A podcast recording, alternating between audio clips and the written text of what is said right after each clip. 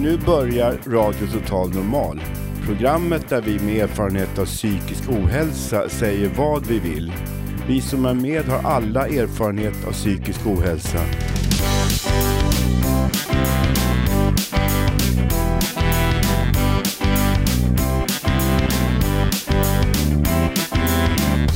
Du lyssnar på radio Total Normal. 101,1. Totalt Normal. Radio Total Normal, torsdagar från två till halv fyra. Vi livesänder med publik från Götgatan 38 i Stockholm. Kom hit och lyssna. Här är alla röster lika värda.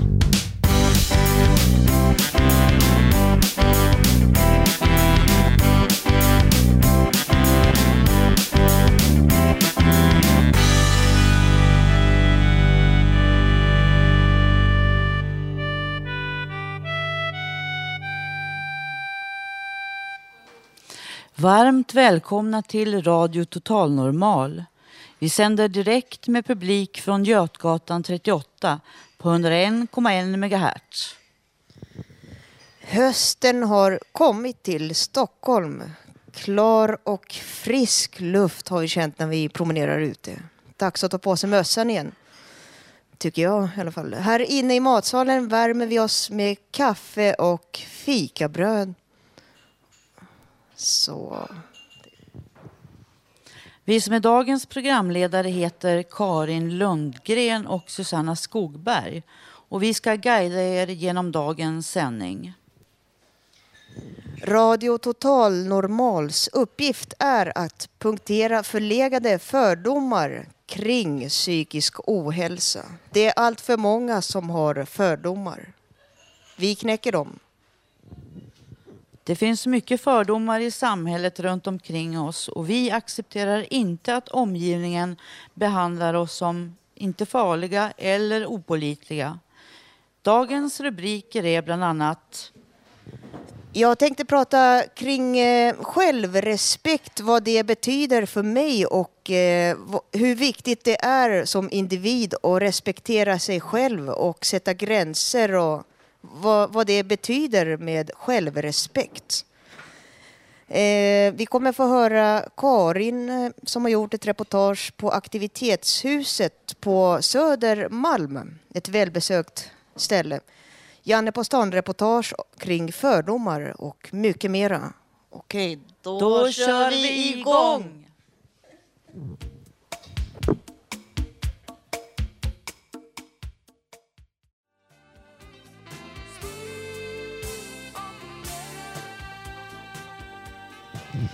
Eh, Radio Total Normal 101,1.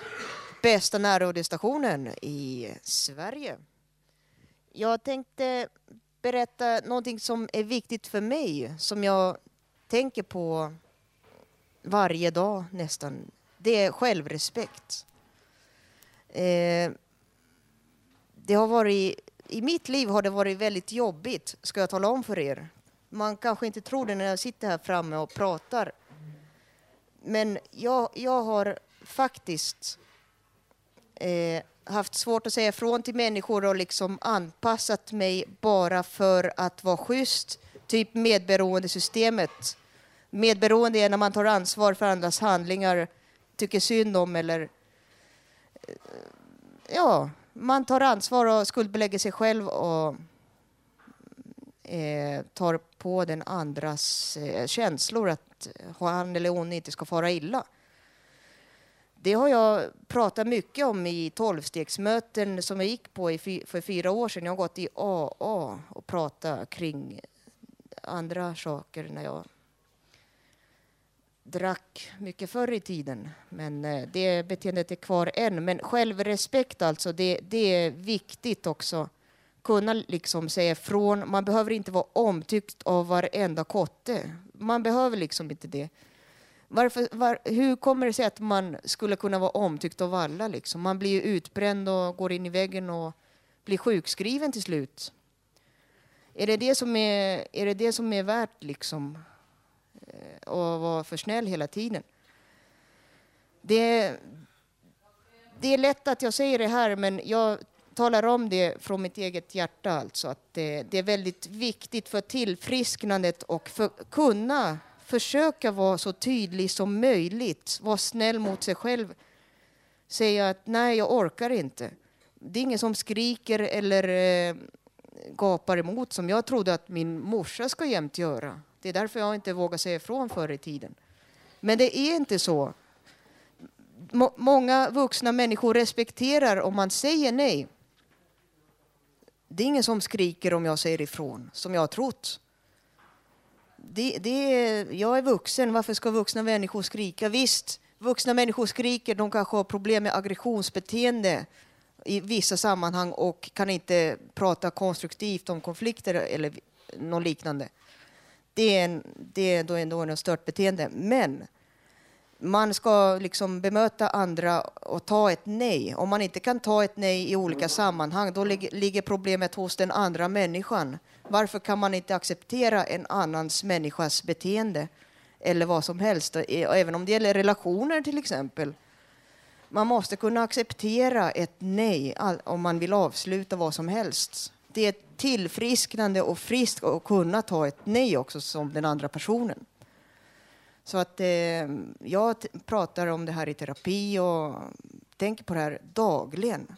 Men det har varit ett jätteproblem för mig vad heter det, när jag blev sjukskriven tio år sedan. Det kan jag tala om för er. Alltså. Men eh, det är någonting färskvara som man ska tänka på. Sen tänkte jag berätta att i Stockholms län varje år, en gång per år, är eh, psykiatrins vecka. Och eh, det är i norra Stockholms psykiatri, bland annat i Sankt Görans sjukhus, under psykakuten. Man går in i samma ingång, eh, bredvid psykakuten. Jag var där förra året.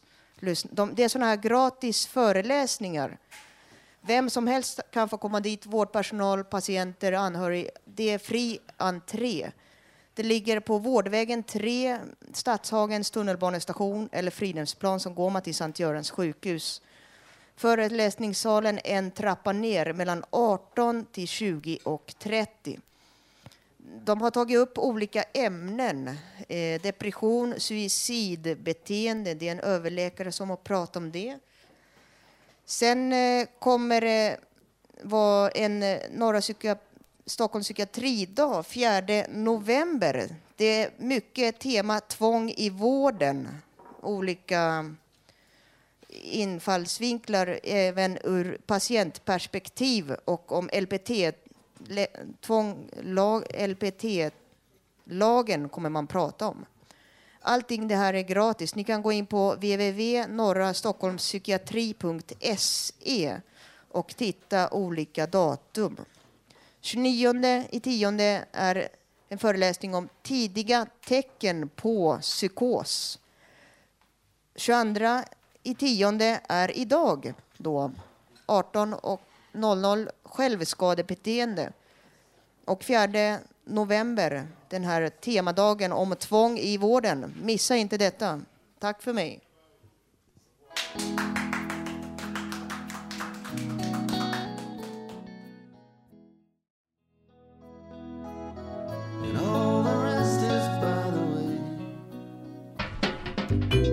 Poesi i Radio Total Normal Nu ska vi höra Ulf Torell läsa sin dikt. På torsdag 2009, jag är 56. Januari var vinter, idag är fredag. Jag bor i Hammarbihöjden. Solsken, sommar, juni, juli, oktober, höst. En tid den 69 1969-70 fått jag arbete på båten kom till Atlanten, Panamakanalen och var i Hamburg, Tyskland, Antwerpen, Belgien, dessutom på Sydamerika när 2009, april, maj var vår, fredag 9 oktober.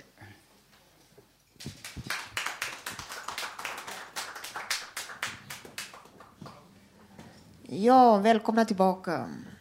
Eh, nu ska vi få höra en, eh, ett reportage från aktivitetshuset på Södermalm där Karin Lundgren har gjort ett reportage. De har ett stort utbud att erbjuda människor med psykisk ohälsa. Huset är på totalt 750 kvadrat i tre våningsplan. Då lyssnar vi. Vi börjar som vanligt med att andas och hitta en perfekt sittställning.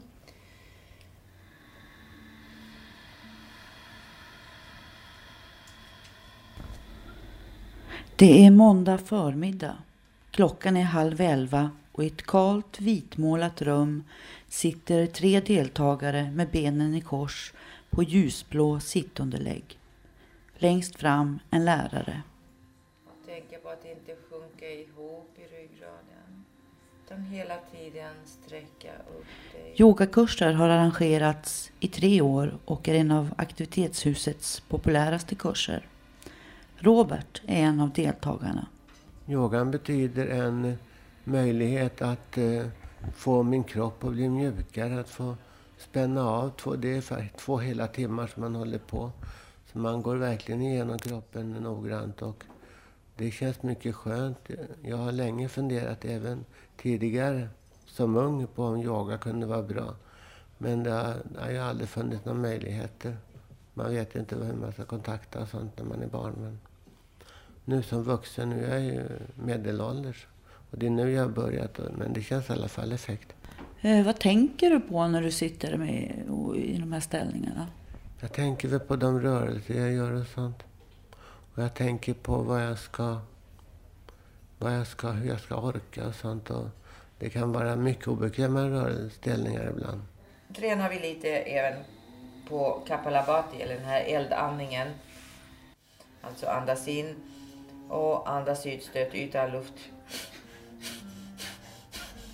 I ett rum bredvid yogarummet pågår en nystartad målarkurs. Det är jätteroligt och man får måla tillsammans. Det är lite tråkigt att sitta hemma och måla så att man kan komma hit istället. Och så får man massa bra hjälp och råd och sådär. Och lär sig nya saker.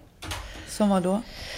Eh, Ja, färglära och vi har haft lite sådana små kurser om man ska säga så. Om olika, hur man blandar färger och hur man målar porträtt och ansikten och sådär.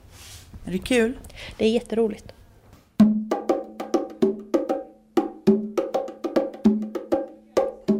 I musikrummet nere i källaren sitter en ung kille och spelar på två små trummor. Det här är ett hus som sjuder av aktiviteter. Förutom yoga och måleri och afrikanska trummor finns också kurser i qigong, snickeri, data, träslöjd, syslöjd, matlagning och tillverkning av smycken i glas. Aktivitetshuset är välbesökt. Cirka 50 personer kommer till huset varje dag. Han som spelar trummor berättar att han också fungerar som lärare.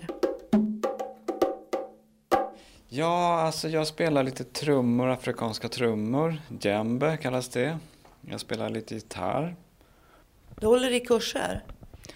Ja, jag är väl med och håller i trumkursen. Alltså trummor är ju ett jättebra instrument om man vill liksom eh, bli balanserad som människa. Därför att man måste aktivera båda hjärnhalvor.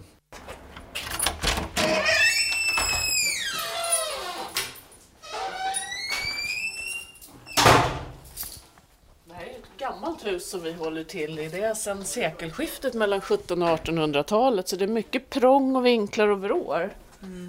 Bredvid musikrummet sitter fyra äldre män och kvinnor och jobbar med något som kallas för luffarslöjd. Man böjer metalltrådar som formas till bland annat skålar och ljusstakar. Alltså det är lite pillrigt. Det är det. Men, men det är inte... Det är inte... att förr i världen gick de på vägarna och levde på det här att de gjorde såna här arbeten och sålde till hus, från hus till hus. Och det är luffarna som gör det så därför det heter luffarslöjd. Just det, jag tänkte visa det. Vi gjorde ofta bruksföremål då väl? Eller gjorde man ljusstakar också? Med vispar och...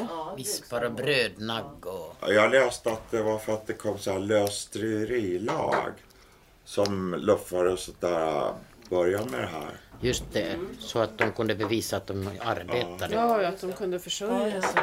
Ja. Ute på bakgården tänder en äldre man sin cigarett. Jag menar, det är ju inte så jävla kul att, att, bara gå utan arbete som, som några tycker. Om, om, om man ser på vad regeringen... Oj. Eh, alltså de, de tror ju bara att man går om dagarna och, och tycker att det är jävligt roligt. Va? Men så är det ju inte. va. Man kan ju inte rå för att man har psykisk ohälsa. Nej. Vad jag förstått i alla fall. Mm. Så att, eh, men men, men det, det gäller väl att hitta på lite olika saker varje dag. Men, men, men vissa dagar är det väl inte så roligt. När man redan på morgonen känner en ångest. Då gäller det att få fart på hårddisken så fort som möjligt så man kommer iväg. Va? Mm. Så att, eh, men det är bra att ha lite olika alternativ om dagarna Mm. faktiskt. Ja, då har vi fått höra ett intressant reportage här. Jag tänkte höra, är det någon eh, som går på aktivitetshuset här? Eller känner till verksamheten? Okej, ska vi se. Vad heter du? Eh, Mikael. Jag har gå- gått på aktivitetshuset i två år ungefär. Och det har betytt jättemycket för mig och ja, varit, utvecklat mig. Eh, vad gör du för någonting där? Jag hjälper till med transporter och så eh, lagar jag lite mat, hjälper till med mat och ja, lite så. Lite allt. Städar lite ibland och sådär. Det här med eh, att träffa folk och sådär. där. Jag tycker själv att eh, det är vad heter det, berikande att prata med olika människor och dela åsikter och prata. Vad tycker du om det? Liksom? Finns det olika människor där att prata med? Ja, det tycker jag. Man får känna efter själv lite om man vill vara, prata med andra och sådär. Så att det, det är väl upp till en själv vad man vill. Ja, precis. Eh, Jag tänkte höra, eh, vad tycker ni, är det bra med sådana här eh, aktivitetshus och sysselsättsverksamheter? Det är ju så att det behövs ju nu i de här tiderna när det, eh, psykisk ohälsa och, och eh, för oss då som eh, behöver såna här ställen är det ju väldigt bra. Ja, det är jättebra. Det är arbete också. Robert, ville du? Nej, precis. Ska vi se. Håkan? Jag tror att de är viktiga även för ungdomar som inte har eh, det sista. Att det är de man minst anar har svårigheter. Så jag tror att det är viktigt att de också har en chans att komma in i den verksamheten. Och inte bara komma in i den här brottsliga skadegörelsen och leva i en sån, att det blir en trend. Så eh, det är bara bra att de öppnar sådana.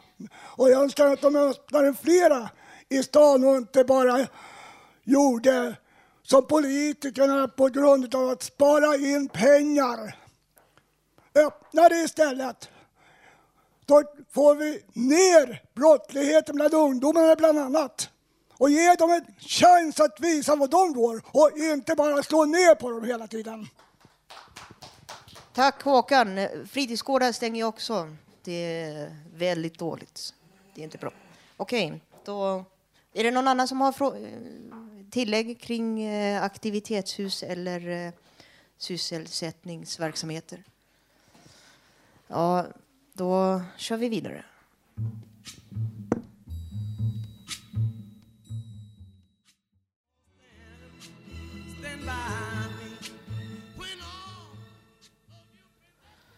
Välkommen tillbaka till Radio Total Normal. Nu ska vår medarbetare Robert N läsa en monolog. Ja, den här är ett debattinlägg kan man säga. Hur ser du på dig själv? Hur man ser på sig själv och hur andra och du själv ser på dig är av avgörande betydelse för hur det blir med din, liv, din roll i livet du lever. Vad andra gör i förhållande till dig och det är med din självständighet och människovärde är det mycket det som bestämmer hur det går för just dig. Om du skäms för dig själv, du, du tycker ibland att du är äcklig och din syn på dig själv pendlar mellan självförakt och idealisering. Dessa saker är avgörande för hur, hur andra i sin, i sin tur tycker och anser om dig. De flesta tycker väl att de är värda att bra saker händer, händer dem. De anser att de vill att trevliga saker ska hända. De flesta vill ha ut mycket av livet, det liv de lever. De vill njuta av livet så att det blir bra för just dem. Det är inte samma sak som att det händer bra saker för just dem eller att de får ut vad, vad just de vill ha ut av sitt eget liv. Det är som jag sa, det är inte samma sak. Vad du vill ha ut livet och vad du själva verkligen får ut av det. Din, ditt liv, andras syn på dig och din egen roll i ditt liv är i mångt och mycket det som bestämmer hur det slutar för dig. Du kan alltså själv ändra på något, inte allt, men oftast något. Ibland kan små underverk synas ske för en människa, men det är inte alltid detta går. Ibland har tillfälligheternas spel en avgörande roll för hur det slutar. Det är ändå alltid du själv som har ansvaret för hur det går. Du kan aldrig bara sitta där och skrika varför gör ni inget? Det måste vara, det kan vara så att det görs för lite. Men ändå är det alltid till syvende och sist du själv som måste ändra på ditt liv. Även om, det ibland, även om andra ibland gör för lite är det alltid du själv som måste göra det mesta jobbet med att förändra ditt liv. Andra må vara taskiga, de må beskylla dig för att vara lat. Du må säga att du är jobbig när du kräver ditt eller datt. Men i sista hand är det alltid du själv som är den styrande. Det är du själv som ska styra. Du ska se till att du är på väg någonstans dit du kan komma. Du ska se till att du alltid har, har så bra hjälp som du kan få. Du måste själv se till att du kommer dit du vill, eller åtminstone någonstans alls. Du kan aldrig bara skylla på andra. Får du fel hjälp, vad kan det göra? Det är tusentals patienter i vissa fall. Men du själv har oftast bara dig själv att tänka på. Och, och, och hur det går för dig. Själv är du dig själv närmast naturligtvis. Vem du är eller vem du vill bli, det är alltid bara du själv som kan slutföra målet och se, se till att du hamnar där. Det är din egen syn på dig själv och hur andra ser på dig som person. Det är det som, som måste grundlägga varje förändring av synen på sig själv e, eller med det slutmål man oftast har. Att få ett bättre liv, att bli mer, mer nöjd med sitt liv och vad du själv gör av det. Ändå kan det, du ju ibland själv, själv synas som hjälplös. Du kan tycka att du kan inte göra någonting för att förändra något i ditt liv. Vad du kan, vad, vad du kan göra för misstag eller vad du kan göra för att undvika det eller det felsteget, felsteget så att bra saker händer för dig. Det kan många gånger synas som helt omöjligt. Men det är ändå det som är avgörande för vad du får ut av ditt liv. Du får inte bli blind på svårigheter så att du inte ser vad du kan göra. Att du inte ser vad som händer runt dig. Eller att du inte, att du inte heller får vara för misstänksam så att du tror att allt och alla är emot dig. Du får inte tro att du inget duger till. Men du får inte heller förstora dina möjligheter så att du tror att du kan göra vad som helst. Hur och vad du slutar som är alltid till syvende och sist det som avgör vad som blir ditt liv. Kom ihåg att det är ditt eget liv. Det är alltid du som avgör hur det slutar. Eller åtminstone får försöka ha någon styrande punkt i ditt liv. Ingen annan kan få ha ett helt dömande eller slutekutiv rättighet. Du har, har rätt till ett eget liv, även om andra säger det har du inte. Tack.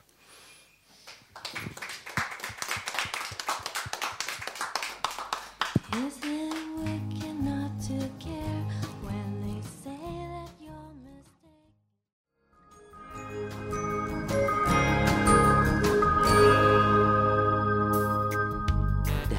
Radio Total Normal, programmet som görs av människor med erfarenhet av psykisk hälsa och ohälsa. Våra röster är också viktiga.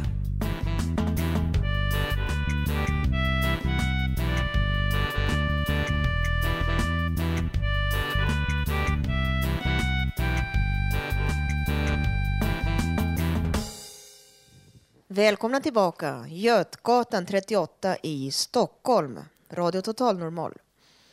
Vår reporter Janne brukar göra reportage på stan i folkvimlet kring olika ämnen och fråga folk. Eh, han har varit ute nu och frågat kring fördomar angående psykisk ohälsa. Vi kommer få höra här inslaget. Lyssnar vi. Känner du någon som är psykiskt frisk? Jag känner flera personer som har återhämtat sig helt, eller nästan helt. Så att eh, det finns många som kan komma tillbaka efter psykiska besvär, även in, från psykossjukdomar. Så att jag tror att det finns större hopp än vad folk tror. Och att en tredjedel återhämtar sig helt, en tredjedel nästan. Och en tredjedel blir inte bättre, ibland faktiskt sämre. Det är lite tråkigt där med, men så är psykosprognosen. Uh, now we are in the street of Götgatan. Please, may I ask you a question? Yes. Do you know anyone here or in your country who has been mentally ill? Uh, uh, psychically, yeah, it's a problem of uh, every country. I think. To, uh, for us too. We have a radio station here called Radio Total Normal. We have been uh, working in this station uh, for one year now. Känner du någon som har varit psykiskt sjuk? Ja. Känner du någon som har blivit bra eller bättre eller återställd helt och hållet från psykiska sjukdom? Psykisk sjukdom? Nej. Det känner du inte. Men du, om den personen som du känner som har varit psykiskt sjuk, har den personen blivit bättre så att han, han eller hon kan leva ett ganska bra liv då? Ja, kanske lite bättre. Ja. Eh, hur känns det för dig då? Nej, det gör ju mig glad. Men jag ska question, do you know anyone who has been mentally ill? Yes, me. Have you been better, getting better? Do you get better? Recover? Well, uh, after many years of uh, suffering, I'm, uh, I'm, I'm I'm much better now. How did you make it? Well, uh, patience is the key to be to be well. Yes. You have to be very patient with your problems. Yes, I think so. Patient, pas, patient, den som har tålamod, the one who has patience. You have uh, you, ha- uh, you haven't you mu- you mustn't give in to drugs and alcohol and cigarettes. Du, Vet du någon som är psykiskt frisk? Psykisk frisk? Ja, alla mina är psykiskt friska. Men vad bra, det är ingenting att skämmas för att vara sjuk heller va? Nej. Nej. Det ska inte vi göra, vi gör inte vi heller. Vi har haft radiostation. Men vi har haft radio... We have a radio station, vi har en radiostation här som sänder på torsdag för att ta bort fördomar mot oss som grupp. Va? Vi är en stor grupp i samhället, cirka en procent av all, alla människor på jorden har någon form av psykiska problem. Ja, va? det har de verkligen. Ja, då vill vi ta bort fördomarna mot oss, för vi ska inte ha fördomar mot oss, det mår ju vi ännu sämre av. Förstår du det? Jo, jag förstår det, men det är det också så att jag tycker att det är väl sjukhusen och oss Men de hjälper bara... Ja, ja, som ska ja, sköta det här. ja, men det gör de inte riktigt. Det är ju därför som att det blir så mycket eh, brott. Det är Och man bara... dödar folk. Jo men det är ju det det går ut på. Alltså psyket går ju ut på det att de blir ju så psyka. Nej, är det går inte- ut på. Alltså, allt som händer i dagens läge, alltså som är, de är ju sjuka helt Men vad, gör- hur tänker du göra för att hjälpa dem När då? en människa går och tar livet av både sin hustru och två barn, då är man sjuk. Men då tycker, jag, tycker du då att man ska, hur man ska hjälpa? Hur ska man göra med de människorna som Jo, gör... men då ska de få läkarvård. För Ja, men det får de ju inte ändå, för det själv... ni ska gå in för. Ja, visst, men får det istället gå till sjukhusen och tala om allt det här. för det det gör vi också, och det, vi gör det också.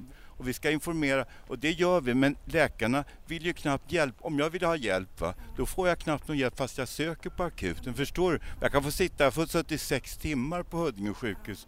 Man får ingen hjälp där. Och det, då, är, då är det alltså en brist i själva sjukhusen va? eftersom de inte vill och inte vill jobb, hjälpa oss så, utan de drar på det här hela tiden. Så det kan jag säga, alltså det, det finns, jag har sagt åt det här på man ska öka antal vårdplatser, men jag har sagt åt överläkare och klinikchefer om det. Men de bryr sig inte om vad vi säger, förstår du? Ja, men om det nu är så att ni tar in en massa då folk som kan det här, som säger så här som jag gör, då kan vi vara med och protestera på sjukhusen. Men vad bra, då gör vi det tillsammans. Ja, det är mycket bättre. Det är ju bra. Det, Alltså de som nu idag har kommit utifrån psyk, det är de som gör de här brotten. ja, men jag begår inga brott. Men det är, ja, men du är ett Jag har aldrig begått något brott. det är inte det jag säger, men alltså de flesta idag som gör dessa brott, det är de vi måste åt. Hej då. Det är bra att du pratar om det där. Jag känner bara torr i halsen att prata med. Do you know anyone who's recovered? Yes, me. yes, me, Mr.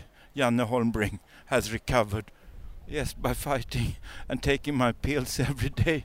I dare do things now that I didn't dare before. Ja, vi fick höra här uh, Janne på stan. Eh, det var olika åsi- åsikter där. um. Eh, jag tänkte berätta lite faktamässigt kring eh, människor i psykiatrin och våldsbrott, lite statistik till exempel. Eh, också för vilka sorts människor gör de här våldsbrotten? Det är många som tror ofta att eh, eh folk med psykiska sjukdomar, störningar begår alltid våldsbrotten. Det är ofta den målgruppen som pekas ut. Oftast är det så. Men jag har tagit reda på fakta kring eh, drogmissbruk och alkoholmissbruk. Eh, jag kan tala om eh, att alkohol in, intag och våld är den övervägande faktorn till våld i samhället.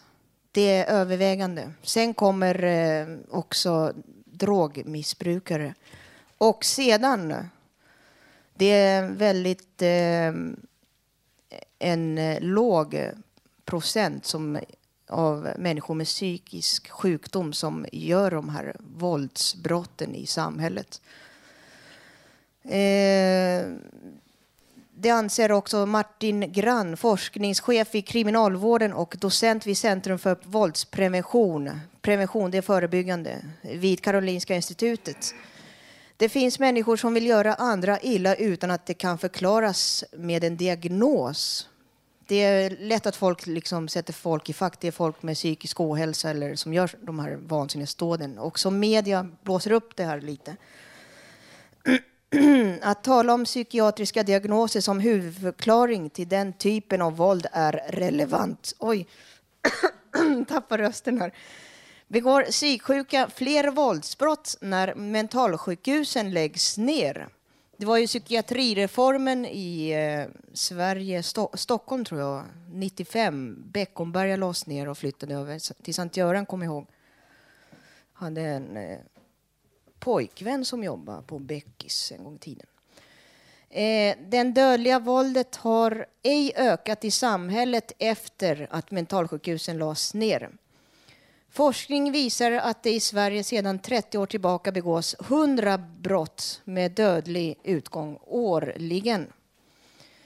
Eh, det förekommer eh, våld eh, också i psykiatrin, men det är oftast inom när man är i vård, i vad heter det, an, på avdelning eller så, men ytterst sällan i samhället. De här vansinnesdåden som eh, förekommer, det är en väldigt, väldigt liten procent. Det är ytterst sällsynt att det förekommer sådana saker. Det är kortare vårdtider, också svårt att komma in i psykiatriska akutmottagningar. När det gäller misshandel av barn så har eh, anmälningsplikten också gjort att det blir mer synligt när man jobbar med barn i vad heter socialtjänst, barnomsorg, skola. Så Då är man anmälningspliktskyldig. Så då kan man iaktta sånt. Men eh, det här med drog, folk som missbrukar droger, det är framförallt folk som intar amfetamin som gör att det är mycket brott kring drogmissbrukare, främst folk som använder amfetamin. Det kan finnas dubbeldiagnoser, folk med ADHD-diagnos är oftast väldigt hyperaktiva. De självmedicinerar och kanske feldoserar eller doserar, intar amfetamin då. Och begår våldsbrott alltså. Eh, och eh, framförallt så är det folk som dricker alkohol. Alkoholkonsumtionen i Sverige har ökat. Det är mer tillåtet att dricka överallt. Liksom. Så att det, det är den största boven, alkoholen. Tänk på det när jag talar om det här. Att eh, det är alkoholen som är eh, största boven. Men nu har ni fått veta lite fakta. Jag tänkte höra med er eh, i eh, publiken. Vad, ty vad, tycker ni kring det här med våld? Eh, när det är diskussioner kring våld och psykisk ohälsa, att man pekar ut en sorts målgrupp. Har ni någon åsikt om det, eller vad, vad säger ni? När man hör talas om våld i media och är det så att psykisk ohälsa, folk med psykisk, psykiska problem pekas ofta ut som en målgrupp? Vad tycker ni? Okej, då ska vi se. Hanna? Nej, men jag tror att när psykiskt sjuka begår brott, som är väldigt sällan, eh, då blir det så här smaskiga brott som förstoras upp och så skrivs det på Aftonbladet, Expressen och sådär. Att någon hugger ner någon, sin fru med någon kökskniv eller sådär. Eh, Och därför står det på löpsedlarna medans, eh, så att det blir liksom oproportionerligt stor uppmärksamhet på när psykiskt sjuka begår brott. Eftersom det är så väldigt ovanligt. Precis. Robert? Ja, det var ju något som hände för många år sedan. Jag får han hette Mattias Flink. Han var väl militär eller skulle utbilda sig på något sätt. Och en sån människa han gjorde något helt orättande. Jag kommer inte ihåg exakt hur många det var, men han eh, gjorde någonting. Jag fattar liksom inte hur en människa... Var det, hur kan en sån människa, människa göra en sån sak om man har så lite kontroll över sig själv? Och han blir militär skulle bli. Jag vet inte. Eh, Jag bara undrar om någon vet någonting. Tack. Eh, Rå, eh, Håkan, ska vi se. Ja, oftast om man ser någonting så, är det, så eh, skyddar de hellre den som gör något brott. Skulle allmänheten får bättre stöd så tror jag att de skulle våga att ställa upp och vittna om de ser ett våld oberoende av om det är från psykiskt håll eller om det är missbrukshåll eller liknande. Som det är nu så får ju de här istället som gör brottet får ju applåden istället för att vi kallar det pisket istället. Och det är oftast de som ser det som får skit för det att de ställer upp.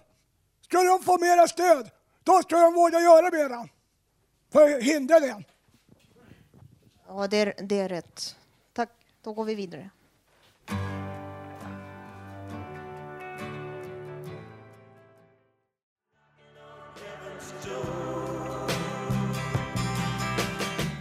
Radio Total Normal 101,1 Torsdagar 14 till 15.30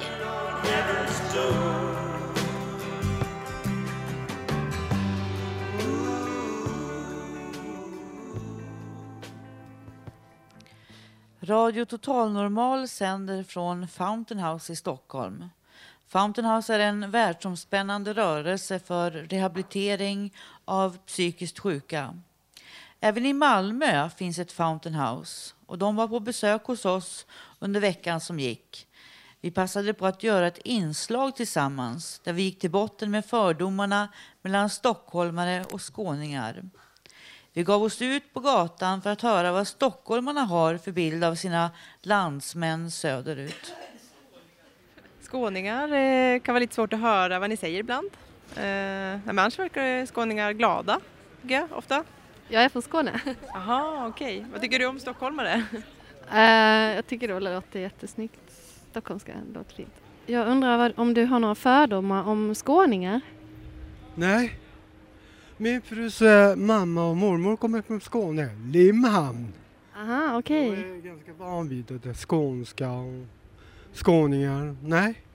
Känner du till någon annan som har någon fördom?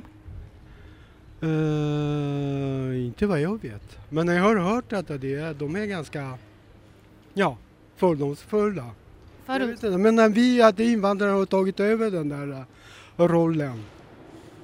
Så skåningar känner sig mer svensk nu, tror jag. Eh, jag vill bara ställa fråga vad du tycker om skåningar? Om skåningen? Om skåningar, ja. Jag känner inga skåningar. Det är som danskar va? Nästan. De pratar lite annorlunda. Ja. Stockholmare. Ja, just det. Det enda jag kan komma på. Nu alltså. Har du varit i Skåne? Eh, ja, genom resa var det genom Helsingborg en gång. Eller, det räknas som Skåne där också. Absolut, absolut. Har du eh, pratat med någon skåning? Jo, ja. Tycker du det är lätt att förstå dialekten? För mig personligen det är ganska kul. Ja, ja. Det är lite, ja men eh, ja, för mig det är okej. Det är kul. Ursäkta. Har du några fördomar om skåningar? Eh, nej, inte alls. Sköna, avslappnade människor. Möjligtvis att s- många skåningar är um, eh, vad heter det? Utlänningsfjä- invandrarfientliga. Det är ju en ganska vanlig tendens tycker jag man ser. Det Ja, kanske är en fördom, jag vet inte. Ja, kanske. Ja, kanske. Jag vet inte heller. Nej, inte jag heller. Tack ska du ha. Har du någon fördom om skåningar? Nej. Varför det? Jag vet inte. Ursäkta. Har du några fördomar om skåningar? Ja. Vilka är de? Var kommer ni ifrån? Skåne. Du kan säga det, det är lugnt. Um, ja, men jag har ganska mycket fördomar faktiskt. Fast det är jävligt trevligt i Skåne. Men bring it on. Alltså det känns som att Skåne vill vara ett eget land. Jag tycker det känns Ah. ganska tydligt när man är nere i Skåne också. På vilket sätt då? Nej men det känns som att det är så egna regler. Som att vi vill gräva, lo- gräva loss oss från, Vad sa du? att vi vill gräva loss oss från Sverige. Precis. Jag är lite rädd när jag är i Skåne. Aha! Vad är du rädd för? Att vi ska smita med dig? Det, kän, det känns som att det är lite egna regler. Det, det, det är en egen lagbok. Oh, vad spännande. Tack så mycket. Hallå! Får man ställa ett par frågor till er? Ja, Ja, det är inget farligt, jag lovar. Ehm, vad tycker ni om skåningar? Har ni några förutfattade meningar? Förutom att man inte hör vad de säger så är det okej. Ja, där ser man. Nej, jag håller med. Jag är själv från Halland så det är inte så långt ifrån. Nej, det är inte det. Eh, känner ni folk som har lite mer eh, förutfattade meningar sådär? Eh, Det är väl mest på skämt egentligen men folk brukar väl kalla dem för danskar och annat om det nu ska vara en förolämpning. Vi har två skåningar i vår klass och de är normala människor de också. Så. Ja, det är ju bra att de är normala människor. Vi håller på att fråga lite runt om vad folk tycker om skåningar. Ja, det är bra. Mm. Har du några fördomar om skåningar tror Nej, du? det tror jag inte. Nej. Nej, jag kommer från yttre rymden här. Har du träffat några skåningar som verkar trevliga? Ja, min bästa vän är skåning. Eh, han är en jordling. Eh, men jag kommer från yttre rymden och jag är gröna blixten. Vi har, vi är, jag är en hen. Alltså, vi, vi, Ja. har, vi, vi är unisex. Eh, Ja, jag förstår det. Det syns lång väg. Vi Men tack så, mycket, tack så mycket för ditt samtal. Hey, my name's Taylor. What is your name? My name is Hanna. What do you think about the weather in Skåne? Uh, well, I have no idea actually, but uh, maybe it's more more sunny because it's more south. It's it's warmer than Stockholm, I think, because it's more south. I, I I guess. Yes, it's at 56, 55 degrees north, and Stockholm is 59 degrees north, so there's a little difference. What do you think about the weather in Skåne? I think it's pretty warm. It's it rains a lot. It's sunnier. In uh, in Skåne and here, the UV index is two, which is low. But in the summer, it can get to six, high. But in the in the winter, it's zero. It's zero. There's no UV index, but the sun is still up for flera timmar. How does the weather affect you? My sleeping, uh, I can sleep better at night when it's darker longer. I, I can sleep longer in the morning, and but sometimes it gets depressing around Christmas. Jag heter Lisa och mitt mål är att Radio Total Normal ska förändra fördomarna kring psykisk ohälsa. Nästan alla känner ju någon som mår eller har mått dåligt. Här får vi göra våra röster hörda. www.radiototalnormal.se Okej, vi har fått höra lite åsikter eh, här. Eh. Nu vet vi att det florerar mycket fördomar på Stockholms gator om skåningarna. Men vi på Radio Total Normal nöjer oss aldrig med att skilja bara en sida av saken. Därför ger vi nu ordet till skåningarna själva så vi får se om det är mindre fördomsfulla. Men jag har haft fördomar att stockholmare är lite ordentligare. Vad har du för fördomar om stockholmare? Ehm, inte mer än att de verkar väldigt stressade hela tiden och en del av dem är lite stuck up sådär liksom. Men annars så tycker jag att stockholmare är helt normala människor. Totalt normala? ja. Uh, men lite, vad säger man? Lite nosiga sådär. Eh, lite snyggare, lite bättre. eh, lite sådär. Ja, precis. Ja, du håller med. fast, fast idag har det ändrats för att jag tycker det är ett väldigt varmt klimat här faktiskt och att folk är väldigt trevliga och öppna. Nej, jag har faktiskt bott här ett år och då tyckte jag alla sprang liksom. Jag häng- hängde aldrig med. Ehm, men idag är det lugnt och fint och vackert väder och sådär så de lun- lunkar på lite, de flesta. Men eh, annars så tycker jag att stockholmare kan vara lite, det är viktigt liksom att vara någon och sådär. Det är vik- lite viktigare än i, i Malmö. Eller Skåne. Har du några fördomar mot stockholmare? Eh, nej, det är tvärtom. De är trevligare än vad folk är i, där nere i Skåne. Sk- Skulle jag, ja, det, ja, jag var ganska sä- säker på det. Folk jag vet inte, kanske mer kontinentala och det är folk nog inte i Malmö trots bron och, och jag vet inte. Och, Jag har nog inga fördomar just nu, men jag har haft fördomar att stockholmare är lite ordentligare och lite, ehm, ja, men lite med ordning och reda liksom. I Stockholmstänket. Nej men jag, jo, jag har säkert massa fördomar att, fast jag tycker, jag tycker om Stockholm, jag är väldigt förtjust i Stockholm och stockholmare. Sen så tror jag att det är avstånden som gör att det blir eh, eh, kanske lite svårare att socialisera än vad det är i till exempel en liten stad som Malmö. Så då blir det kanske, medför det kanske att man är, att det ger en lite kallare och mer planerad känsla, jag vet inte, kanske. Rent klädmässigt jag nog lite fördomar tror jag. Lite Så här, eh, att, få, att man, de klär sig lite svart och grått. The, the people that lives here, do you have any prejudice against us? How, how we are? No, just that they're pretty, that they're beautiful looking. That's a prejudice, but it's a good one.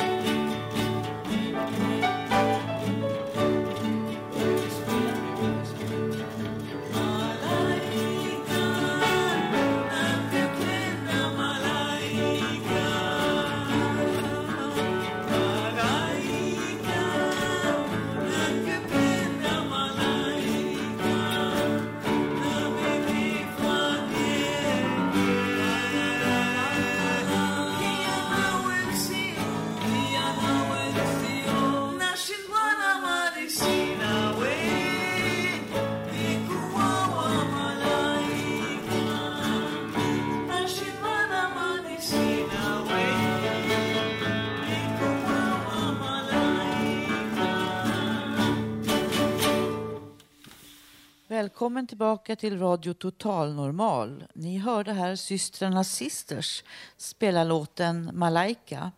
Och nu vill systrarna säga några ord här. Eh, jo, det är så här att eh, vi upplever att eh, vår psykiska återhämtning har vi fått genom musiken. Och eh, som Robert sa, att man eh, eh, ska satsa på sig själv. Och det är det vi gör genom musiken. Och eh, jag menar, man, eh, man får ju kavla upp ärmarna och ta nya tag. Nu kommer syster, min syster här och ska... Jo, det är så här att eh, ibland kan man ju känna sig deprimerad och så vidare. Men eh, då är det bara att ge sig fan på det och åka ut och spela. Då kommer glädjen. Tack för att vi har fått vara här. Det här var Hepstars Malaika. De spelade 1967. Och vi får hälsa även upp till Norrland. Vi har en eh, besök från Umeå och eh, vi hoppas att du har haft trevligt. Och tack så mycket. Poesi i Radio Total Normal. Nu ska vi höra vår medarbetare Rickard Leiman läsa en dikt. Min vän, en liten bit av honom finns alltid kvar. Du kan inte stryka honom ur ditt liv allt för snabbt. Tänk på honom, men inte allt för länge. Du ska leva ditt eget liv nu, eller åtminstone försöka. Här är ett barn som hungrar och ingen, inget att mätta honom med. Man måste se honom fungera, måste se hur han lider.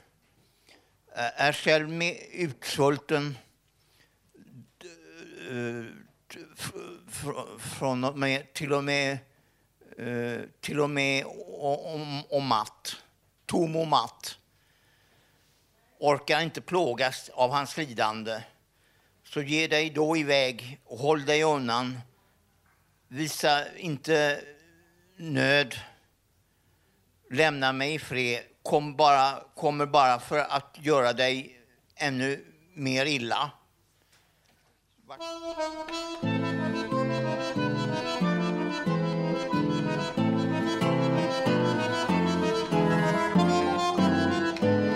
Radio Total Normal. Sänder över hela galaxen.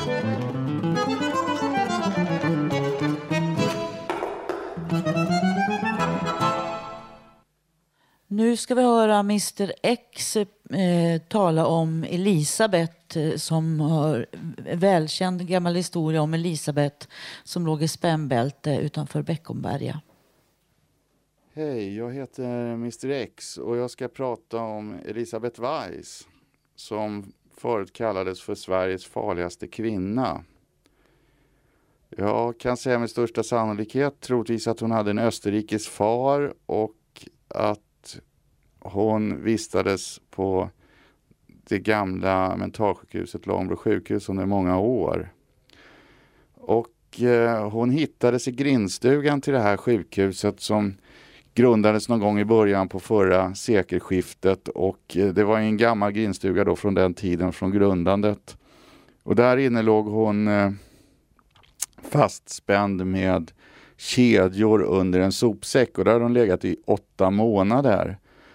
Och då var det Helena Frykstrand som var där inne och tog några smygfotografier som mm, publicerades i DN tror jag till och med.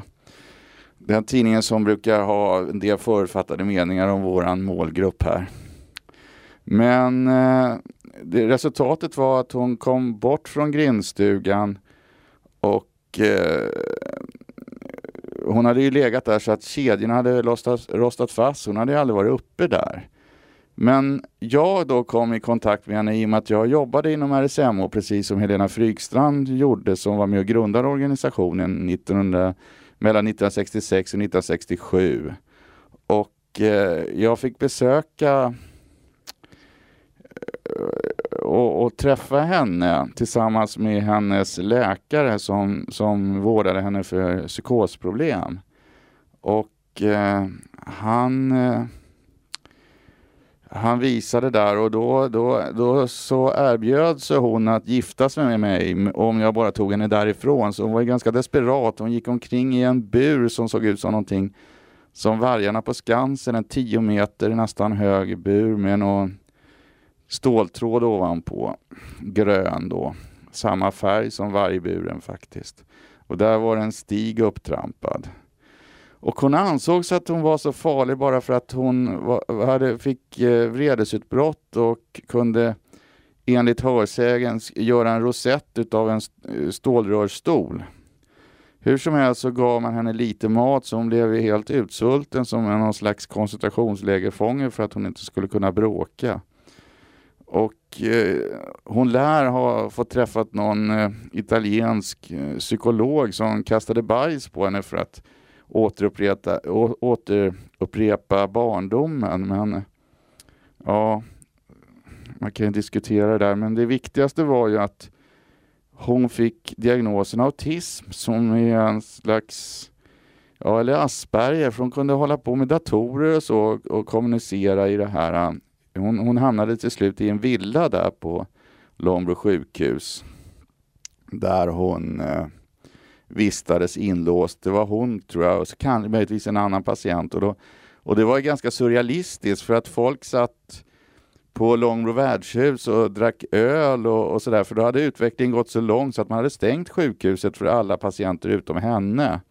Det sista jag såg med hennes läkare var en, några, en specialavdelning för en del farliga, som man betecknade lite farligare patienter. Det kanske var tio stycken och det kanske fanns mellan 1200 och 1400 patienter där i början på 80-talet så att det var en liten minoritet och de var ju kvar där så att som sagt man kunde sitta där på grindstugan och ta en pilsner så kunde man gå ner och, och titta när, på Elisabeth i villan för där fanns det en liten rastgård som hon gick runt i. Det här eh, upplevdes ju väldigt störande. Jag menar det måste ju vara också, man tänker på Sveriges internationella kontakter, att det kunde komma utländska besökare till det här värdshuset och se den här kvinnan som gick omkring som, en, som någon slags eh, varg där. Och eh, till slut så gjorde man en utredning och som sagt och man kom fram till att hon var autistisk och då fick hon en helt annan behandling och flyttades till Södertälje. Och jag vet ingenting mer om hur det har gått för henne efter det här. Men det var en fruktansvärd historia och det visar på vanvård och så vidare för att det tog ju nästan över 20 år innan hon fick eh, någon ja, ny diagnos är inte allt, men hon fick i alla fall en, en behandling som gjorde att hon blev bättre och fungerade bättre. Det är ju konstigt att det ska vara så här, att man ska behöva behandla människor på det här sättet. Ja, tack. Det var väl min lilla historia om Elisabeth Weiss.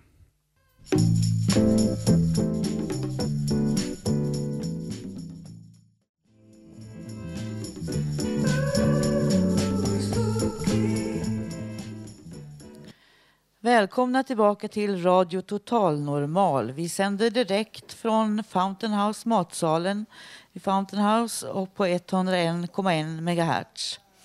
Det har varit en dramatisk sändning idag kan jag berätta om. Det en timme innan sändning så upptäckte vi att våran sändare som vi har uppe på vinden var bortslängd. Slängdes bort igår tillsammans med en massa dataskrot när vi hade vindsröjning. Nu har vi i alla fall eh, vi har fått sända digitalt över internet idag. Men alldeles nyss så kom Bodil, vår mm, projektledare och Vallo, vår medarbetare, tillbaka med sändaren. De hade hittat den på soptippen.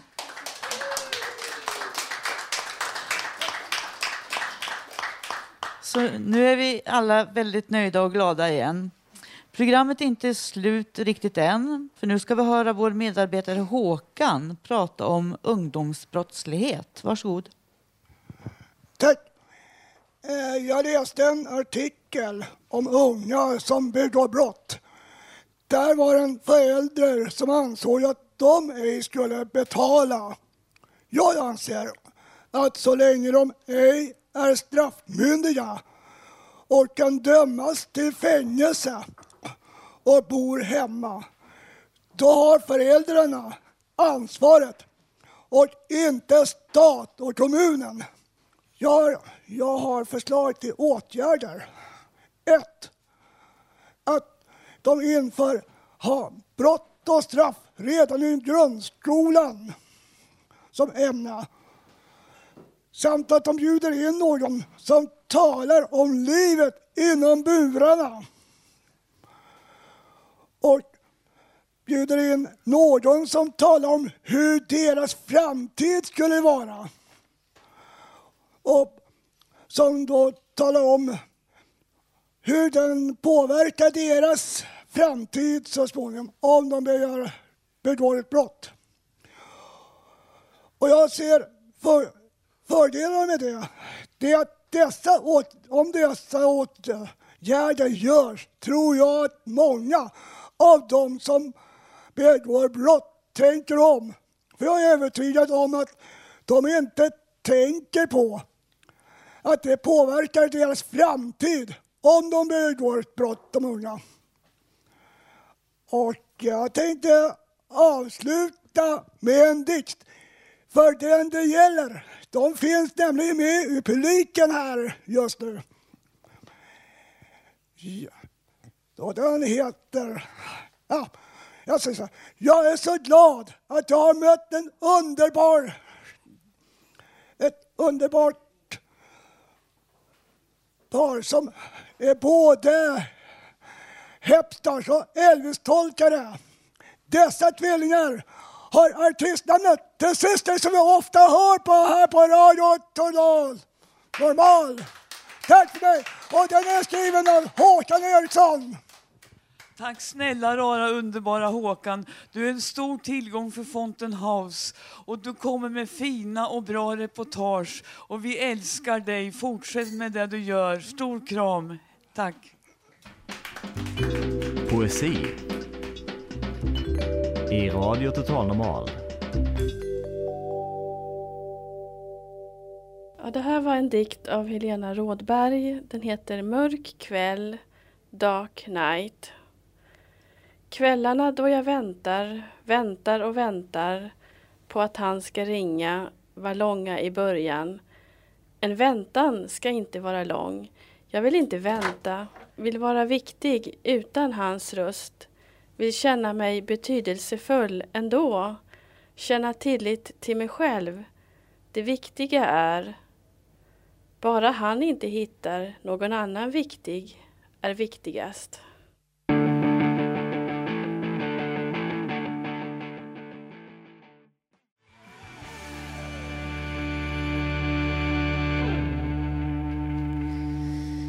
Ja, allting har ett lyckligt slut. Till och med när sändaren kommer tillbaka från soptippen. Det är verkligen bra. Det kostar väldigt mycket med att skaffa en ny sändare. Så det är bra med öppna soptipsmöjligheter. eh, programmet närmar sig slutet. Idag har vi fått höra reportage som Karin har gjort om aktivitetshuset. Reportage eh, som Janne har gjort kring fördomar, dikt, musik och mycket mera. Vi som har varit programledare heter Susanna Skogberg och Karin Lundgren. Producent har Hanna Stamlin varit. Tekniker Gustav Sondén. Musiken valdes av Gunnar och Peter och projektledare Bodil Lundmark.